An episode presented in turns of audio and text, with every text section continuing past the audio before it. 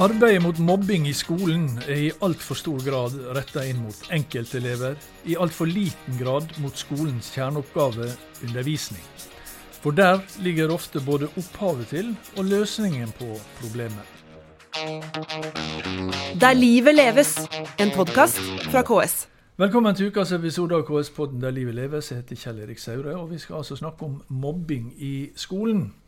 For i disse dager så kommer det ut ei bok. Den heter 'Mobbeforebygging i et fellesskapsperspektiv'. Og eh, jeg har besøk av to stykker som har eh, bidratt i den boka. Det er Jorunn Sandsmark, du er spesialrådgiver i KS og en av to eh, redaktører, sammen med altså Frode Restad. Og så er det Kjerstin Ovren, som er mobbeombud i Oslo, og som har skrevet tror det er tre av kapitlene i boka. Velkommen til dere to. Eh, Jorunn, jeg tenker å begynne med det om selve boka. Eh, hva slags bok er dette? Dette er en bok som vi har laget fordi vi så et behov for, og vi hadde et ønske om å forklare en annen måte å forstå mobbing på, og hvordan skolene kan jobbe mobbeforebyggende. Ja, så hvem er jo, er jo for, for, lærere, eller for lærerstudenter, eller hvem, hvem er hun for? Den er for lærere, lærerstudenter, skoleledere, skoleadministratorer, kommunestyret, fylkestinget. For foreldre også, og også for elever. For de som har med skolen å gjøre, rett og slett? Ja. Ok, ja vel. Eh, Kjerstin Ovren, eh, eh, hun heter altså boka 'Mobbeforebygging i et fellesskapsperspektiv'. Du jobber jo med mobbing konkret daglig som mm. mobbeombud i Oslo. Eh, for det første kan jeg spørre, hva, hva, hva, snakker du om når du snakker om mobbing? Hva er du ombud for? Jeg snakker om uoppfylte menneskelige behov for å være en del av noe som betyr noe. Hvor man opplever at eh, man har en verdi som den man er. At man kan være seg sjøl og bli akseptert. Ja, man, ja, så, så, så, mobbing er hvis man blir frarøva den, eh, eller fratatt den muligheten? Da, ja, du, du, blir fratatt din verdighet. Eh, du blir fratatt en, en, en plass i, i, flokken. Og det gjør noe med oss på et sånn fundamentalt eh, menneskelig nivå. Det føles ubehagelig og vondt å bli utstøtt. Mm. Og så har det vært viktig for meg, spesielt siden jeg har denne tittelen, at jeg er ombud for alle elever ikke bare noen få. Og når vi ser at det etablerer seg sånne utstøtelsesmekanismer i en klasse eller en barnehagegruppe, så handler ikke det om at det kun er noen få involvert. Alle blir involvert i det. Og elevene og barna vil jo i en sånn type situasjon også ta valg som handler om seg selv og sin mm. tilhørighet, og det vil av og til handle om at det bare er plass til noen få. Og Da er vi over på dette med fellesskapsperspektiv, eh, Jorunn. For hva, hva, hva, ligger i det begrepet når, når, man snakker om mobbing, et, eller forebygging, da, i et fellesskapsperspektiv? Det ligger i det at vi har hatt en teori eller en forståelse av mobbing som at det skyldes at noen barn, noen elever, har noen personligheter, aggressive personligheter, som gjør at de har behov for å være sinte eller sure på noen andre og få uttrykk for sin aggresjon. Mm. Og så er det noen andre barn som ikke har god nok selvtillit, og som ikke klarer å stå opp for seg sjøl, som da blir disse såkalte typiske mobbeofrene. Mm. Så flytter vi perspektivet bort fra det, og så ser vi på at det er ikke sånn at noen alltid er sinte og noen er aggressive. Det er heller ikke sånn at noen alltid er sånn svake og ikke klarer å ta igjen. Det er veldig situasjonsbetinga. Og så flytta vi liksom måten å tenke på over til at dette handler om et grunnleggende menneskelig behov, sånn som Kjerstin er inne på. For å tilhøre et fellesskap, for å være en betydningsfull person i det fellesskapet. Og i dette tilfellet snakker vi om fellesskapet klassen og fellesskapet skolen. Mm. Så hvis du ikke har en trygg plass i klassen din, hvor du kjenner at her betyr jeg noe, her er jeg rett til å være til, jeg er like mye verdt som alle de andre, så blir du utrygg. Mm. Og da må du finne en måte å få den tryggheten på. Og det vi ser, er jo veldig ofte at da finner vi noen andre å ha fokus på. Det er litt som i utenrikspolitikken. Altså Har du trøbbel hjemme, så finner du en felles ytre fiende som du kan se på og rette oppmerksomheten på. Sånn at ikke de ser at det er i grunnen du sjøl som strever med å finne din egen plass. Mm. Eh, Kjersti Nobren, jeg, jeg, jeg åpna jo her med å, å, å egentlig komme med en påstand da, om at eh, arbeidet mot mobbing i skolen er i altfor stor grad retta inn mot enkeltelever, og i for liten grad mot undervisning. Eh, og Det var jo en, en påstand som sto, men han, han kom jo ikke ut av løse lufta. Det er, det er, jo veldig tett på det, noe av det du har skrevet om i, i, i denne boka. Mm. Eh, og jeg håper å si, hva, hva, Kan du begrunne denne påstanden? At det i, for arbeidet mot mobbing er i for stor grad er retta mot enkeltelever. For mange vil vel oppleve det som at det er en som mobber, det er to som mobber. Mm. Og så er det, akkurat som, som Jorunn sa, så er det og så er det noen ofre. Mm. Og det vi, gjør, det vi, gjør, da, det er at vi gjør elevene til problemer som skal løses. Og elevatferd er noe som, som, står i veien for noe annet. Men er ikke og, det det, da? Nei. Elevene uttrykker noe som vi ikke er gode nok på i skolen. Som er å skape et, et utdanningssystem som gir elevene troa på seg sjøl, også som gode medmennesker. Som gir elevene troa på at de kan lykkes, og at de ikke opplever at de blir stående igjen som tapere eller som syndebukker. Mm. Men vi kommer fra en tradisjon hvor vi kanskje også har vært veldig opptatt av å se etter feil og avvik hos elever. Og, og i, i, god mening forsøke å hjelpe dem til å bli mm. bedre, flinkere, mer perfekt. Og jeg tror mange elever eh, har lidd under det, også stille. Ikke nødvendigvis gjennom uh, utagerende uttrykk. Men så er det den eksplosive atferden og den atferden som, som, handler om å støte ut andre som har fått veldig mye oppmerksomhet. Og så har vi kanskje glemt å snakke om elevene som ikke vil komme på skolen, eller som er veldig stille. Så her er det mange ulike uttrykksformer, mm. og det er viktig å se at fellesnevneren for disse uttrykksformene handler om det samme. Mm. Og det er mangel på opplevd tilhørighet, opplevd trygghet, og også mangel på noe meningsfylt som fyller det fellesskapet klassen skal representere. Men veldig ofte når man iallfall i fall leser i, i, følger med i mediene da, om mobbesaker og sånne i, på skoler, så er jo ofte spørsmålet hvem skal flyttes? Hvem, er, det, er det mobberen, eller er det den mobba? et mobbeofre som må bytte skole. For det ligger liksom i Men da høres det ut som dette blir på en måte en litt sånn eh, irrelevant løsning, eller iallfall eh, noe som ikke løser problemet, da, Jorunn? Nei, det løser jo ikke problemet. Uh, og det som er jo fokuset for oss, det er jo i denne boka, det er jo det at Ofte når vi skal løse disse problemene, så finner vi løsningene utenfor det som er kjerneaktiviteten. Grunnen til at elevene går i skolen. og Det er jo for å lære, og det er for å ha et fellesskap. Og De to tingene henger veldig nøye sammen. Og uh, Helle Rabel Hansen, som skriver i et kapittel i boka, hun snakker jo om at fredagskake er ikke nok. I Norge snakker vi ofte om at tiltakene vi setter i gang for å få løst mobbesituasjonen, før vi kommer så langt at vi flytter elever, er ting som er utenfor selve undervisningen. Altså Vi steiger vafler i friminutter, vi passer på at det er hyggelig i, i mm. de andre friminuttene, og så setter vi inn ekstra vakt. Og så er vårt fokus å flytte det tilbake til at lærerne faktisk kan undervise. Mm. Så dette er litt å gi det tilbake til lærerne, som er de profesjonelle på å undervise, og vise dem hvordan de gjennom å undervise på noen måter, ved å tenke også hvordan de skal bygge klassefellesskapet når de planlegger undervisningen i norsk eller naturfag, mm. kan bygge fellesskap. Som da blir knytta til det som er kjerneoppgaven, og ikke disse tingene vi gjør utenom. Mm.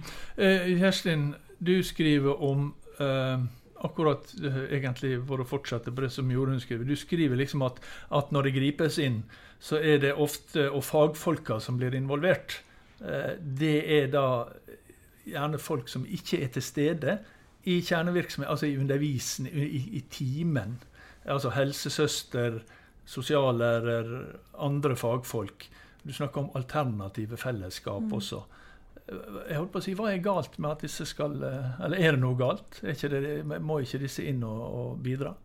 Det er fint å ha mange ulike yrkesgrupper inn i skolen. For jeg tenker vi, kan, vi har mye å lære av andre fagdisipliner som ikke nødvendigvis er utelukkende pedagogiske, men det uthuler lærerprofesjonens viktigste oppdrag. Det er danning og utdanning i fellesskap sammen med elevene. Og mange lærere mister jo også troa på at de kan få det til, fordi det er miljøterapeuter, det er assistenter, det er andre som kommer inn og sier jeg, jeg kan håndtere det, jeg mm. fikser det. Du kan konsentrere deg om å gjennomgå kapittel 14, og så tar jeg med meg de to ut, fordi de trenger kanskje noe litt annet.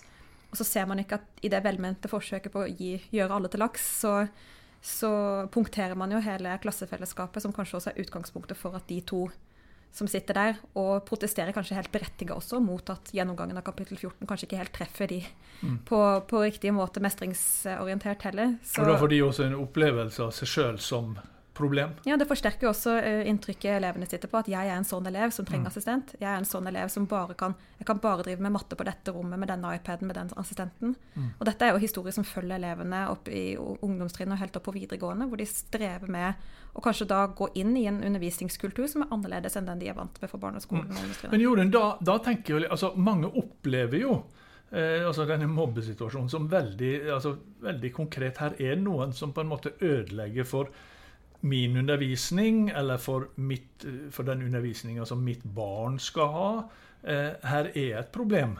Men betyr det på en måte at når det har kommet dit, så har man allerede mislyktes på en måte i å, i å gjøre den jobben som skulle vært gjort? Jeg vil ikke si at man har mislyktes. Men det handler jo om at eh, den forståelsen vi har av mobbing, den er en slags sånn lyskaster som gjør jo at vi har fokus på det som, som teorien sier er problemet. Og det er klart Hvis teorien og det vi har lært opp til, er å tenke at det er en enkelt elev som er problemet, så er det jo det vi ser. Mm. Så, så, noe av det vi håper på, er jo å få folk til å se noe annet. Vi har jo en aktivitetsplikt i, i skolen. ikke sant? Ja. Og der er en av pliktene at man skal følge med. Og det er klart, Hvis du skal følge med ut fra forståelsen at det er Olemann som er problemet, så følger du med på Olemann. Hvis du, følger, hvis du tror at det er samspillet mellom elevene som er problemet, og at noen ikke får være med og derfor finner på veldig mye rart for å komme inn, så må du jo se etter noe annet. Mm. Og det, å snu, det er jo å snu en kultur, og det gjør du ikke på mm. no time. Du må ha tid. Det trengs tid å begynne å tenke annerledes. Så det er jo derfor også tittelen er 'mobbeforebygging'. Mm. Fordi at Vi må begynne der, og så må vi samtidig erkjenne at det fins mange problemer som har eskalert, ja. og det er mange elever som har det vondt i skolen. Så vi, vi, det skal vi også ta med oss. Ja, Så, så, så det dere skriver om, eh, handler i første rekke om å forhindre eller forebygge at mobbing skal skje. Eh, ja, Kjerstin? Nei, det er flere kapitler i denne boka som, som peker på veldig vellykkede snuoperasjoner. Ja. Og det er fortellinger fra lærere, det er forskjellige fortellinger fra, fra, ledere, og spesielt også noen som har jobbet som, som veiledere på kommunalt nivå, mm. som peker på at idet man begynte å snu perspektivet, og også involverende elevene i større grad, grad så fikk man til en kulturendring hvor, fordi elevene også opplevde at de var viktige bidragsytere. Mm. Så elevene fikk et eierskap til det å se på klassen som potensialet for å løse det som lå og var vondt og vanskelig, istedenfor at det var problemet som mm. skulle løses. Men du, som mobbeombud, så kommer jo du borti veldig mange eh, sånne mobbesaker. Eh, har, du, har, du, sett gode eksempler på eh, at det har løst seg på jeg holdt på å si på denne måten, på, ved, å, ved, å, snu på situasjonen? Ja, det har jeg. Eh, og som Jorunn er inne på, eh, det er ikke gjort over natta, nei.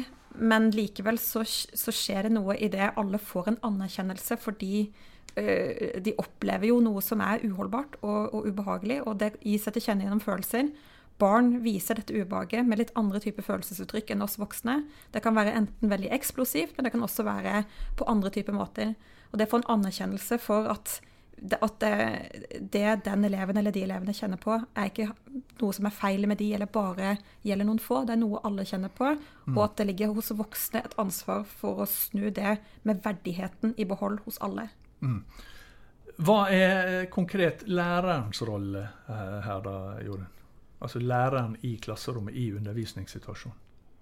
Det er god faglig undervisning som samtidig har det sosiale perspektivet. At undervisningen både skal bygge fellesskap og skal lære elevene fag.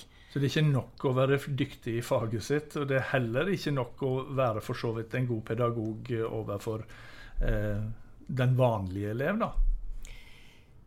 En god pedagog er jo en pedagog som ser at det i, i en klasseromsituasjon både er snakk om faglig læring, sosial læring og også emosjonell læring. Og at vi har liksom tenkt litt sånn noen ganger, nå skal jeg være litt sånn forenkla i språk, men vi tenker ofte at klasseledelse det er f.eks. at elevene skal være stille. Mm. Og så må de være stille før man kan begynne å undervise.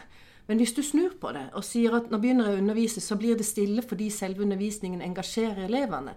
Og som Kjerstin er inne på, det å engasjere elevene og høre på hva de faktisk har å si, sånn at man kan lage undervisningssituasjoner som mm. kombinerer disse tre. Mm. Og så vet vi jo alle fra erfaringene våre at det er noen ting som, som er veldig ødeleggende for denne fellesskapsfølelsen. Altså, Del dere inn i grupper mens jeg går på lærerværelset og henter ei bok, og så kommer du tilbake, og så vet vi jo hvordan det har gått. At det alltid vil være noen som ble valgt sist. Så det ligger jo en veldig anerkjennelse egentlig av, av lærerne som pedagoger, som de som faktisk kan undervise.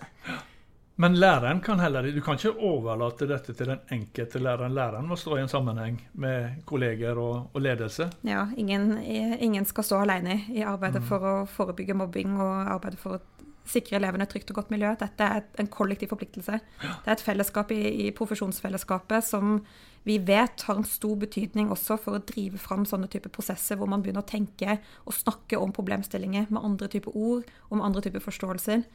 Eh, og som Jorunn er inne på, dette med klasseledelse. Eh, jeg har også jobba som lærer i, på ungdomstrinnet og trodd at så lenge jeg var snill og, og tolerant og tålmodig med elevene, så, så løste liksom ting seg. Og, mm. og, og, det var frustrerende for meg i de klassene hvor jeg så at elevene strevde med, med positivt og prososialt samspill.